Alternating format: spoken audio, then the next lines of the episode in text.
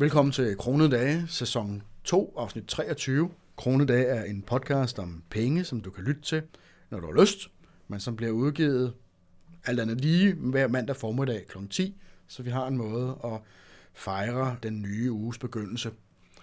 Kronedage handler som sagt om penge, det vil sige budgetlægning, investering og opsparing i hverdagen, og alt, hvad der er relevant for, at vi kan opnå så høj økonomisk frihed som muligt på så kort tid som overhovedet muligt.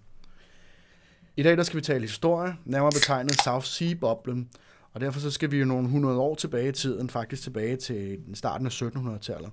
Men jeg vil gerne gå en lille smule længere tilbage, for at øh, vi lige kan få den fulde optakt til, hvad der egentlig skete.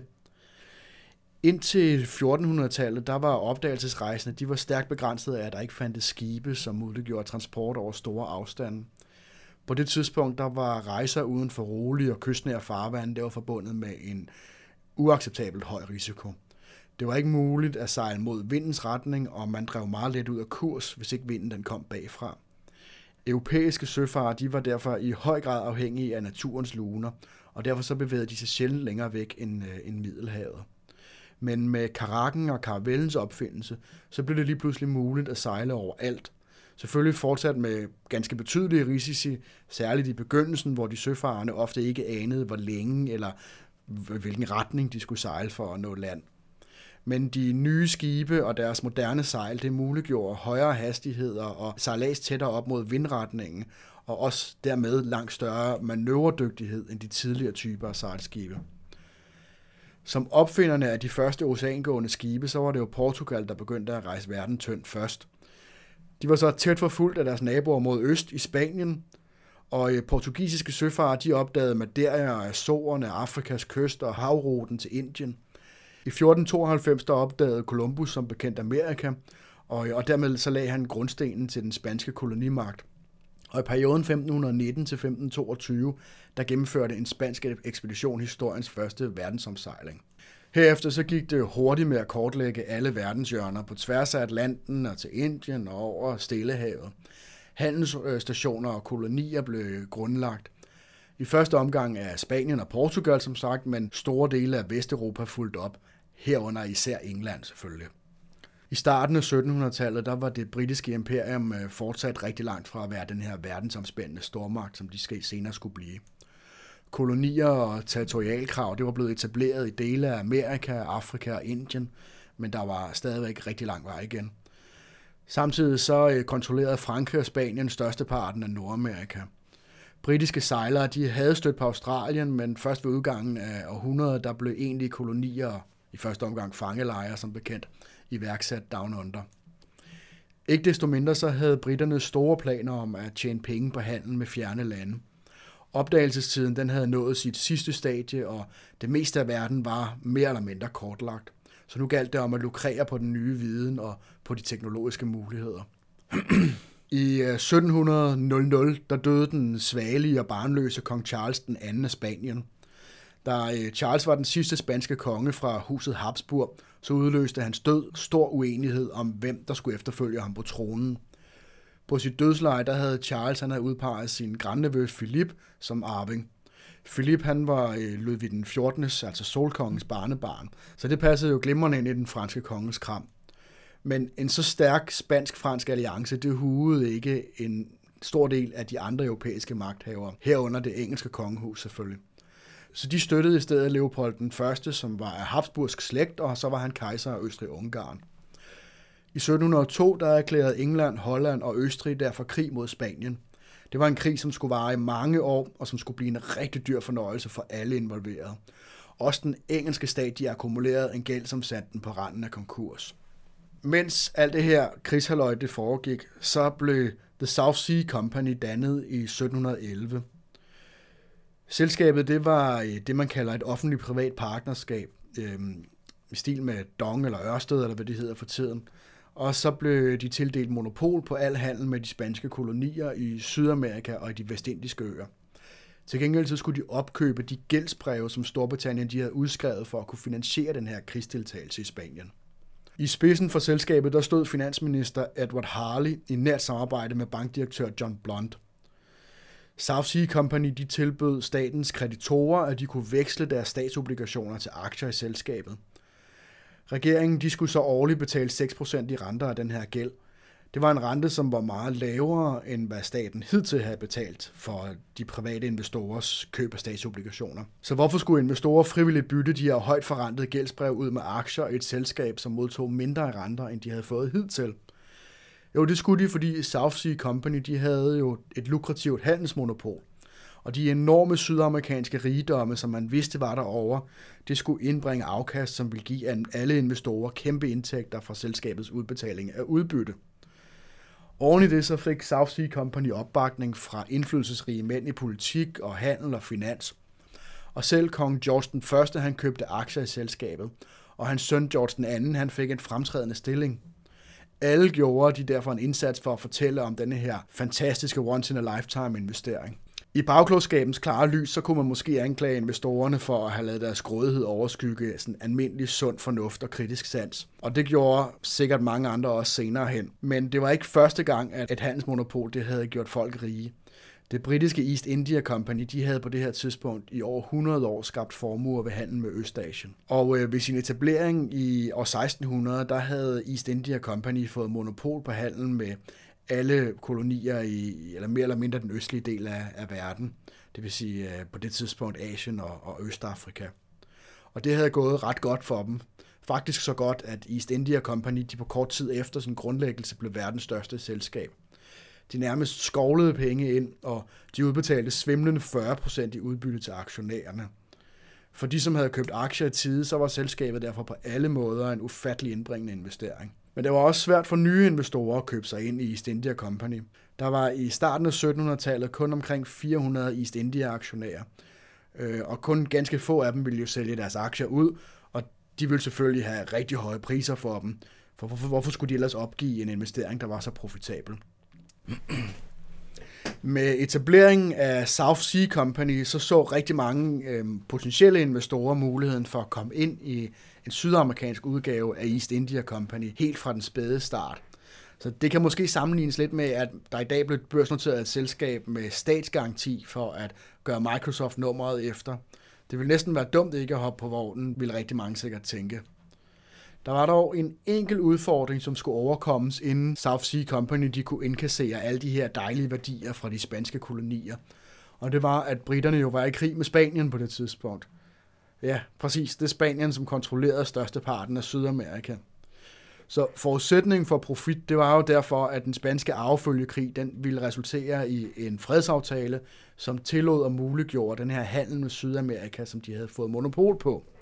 For et er jo, at Storbritannien havde givet dem monopol til at handle et sted, men hvis ikke de havde magten eller kontrollen over det her sted, så var der ikke så meget ved et monopol. Men det var heller ikke noget problem, fordi at der store dele af magteliten, de var investeret i selskabet, så var der lige pludselig meget større interesse for fred. Så i 1713, der forhandlede Storbritannien fred på egne vegne. Det vil sige, at de gjorde det uden deltagelse fra deres allierede i krigen. Men som enegænger, så var den britiske forhandlingsmagt jo også ganske begrænset. Måske mere end begrænset, end de faktisk havde forventet. Og i sidste ende så resulterede forhandlingerne i en fredsaftale, som tillod et enkelt britisk handelsskib at tilgå de spanske kolonier én gang om året.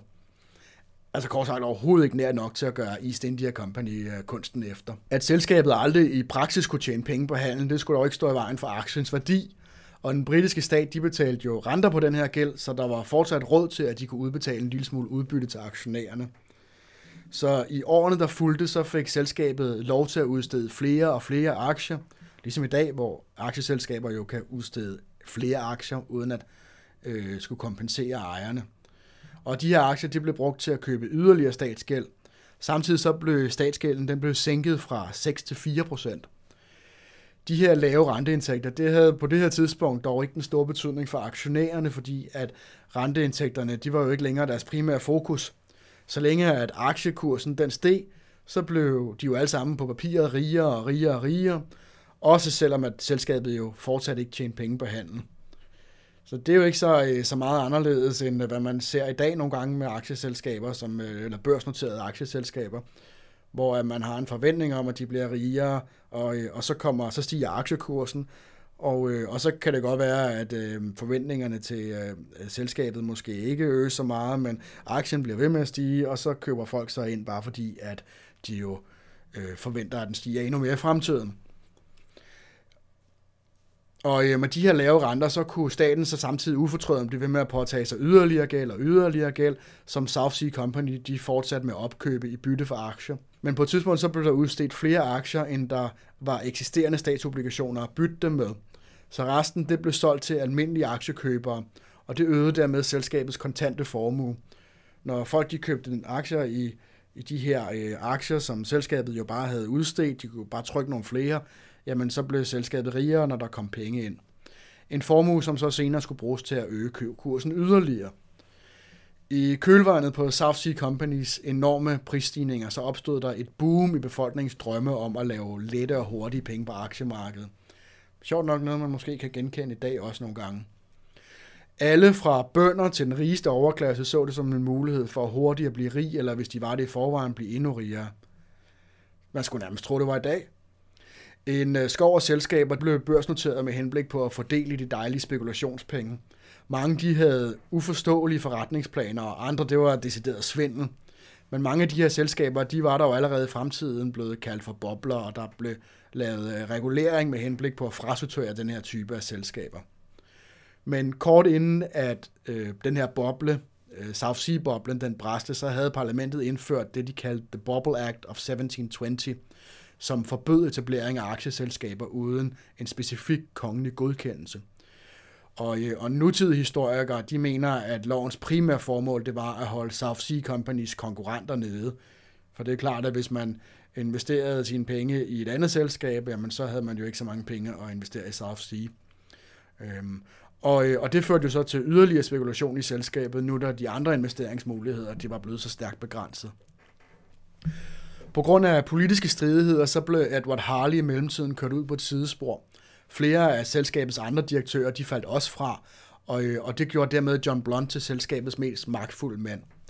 Blunt han havde ingen skrubler, skrub, skrubler. Blunt han havde ingen skrubler ved kunstigt at øge aktiekursen for et selskab, som han vidste ikke ville kunne tjene penge på andet end salg af aktier egentlig. Og efterhånden som magteliten og også kongen han blev mere og mere involveret i selskabet, så var der en øget og øget interesse i at opretholde stabilitet og en kunstigt stigende aktiekurs. Så derfor så blev der set igennem fingre med Blonds mere eller mere absurde forsøg på at presse aktiekursen op. For fortsat at øge kursen, så begyndte selskabet blandt andet at sælge aktier med incitamenter. Man kunne låne aktien, og så kunne man vente med at betale den, til man havde videresolgt og, og det blev blandt andet benyttet til at bestikke politikerne, og så dermed så øgede man også politikernes interesse i at støtte lovforslag, som ville være i selskabets interesse. Den her lette adgang til penge, det øgede for en tid aktiens markedsværdi, men virkeligheden kan kun holde stangen i en periode. Tal er tal, matematik er matematik.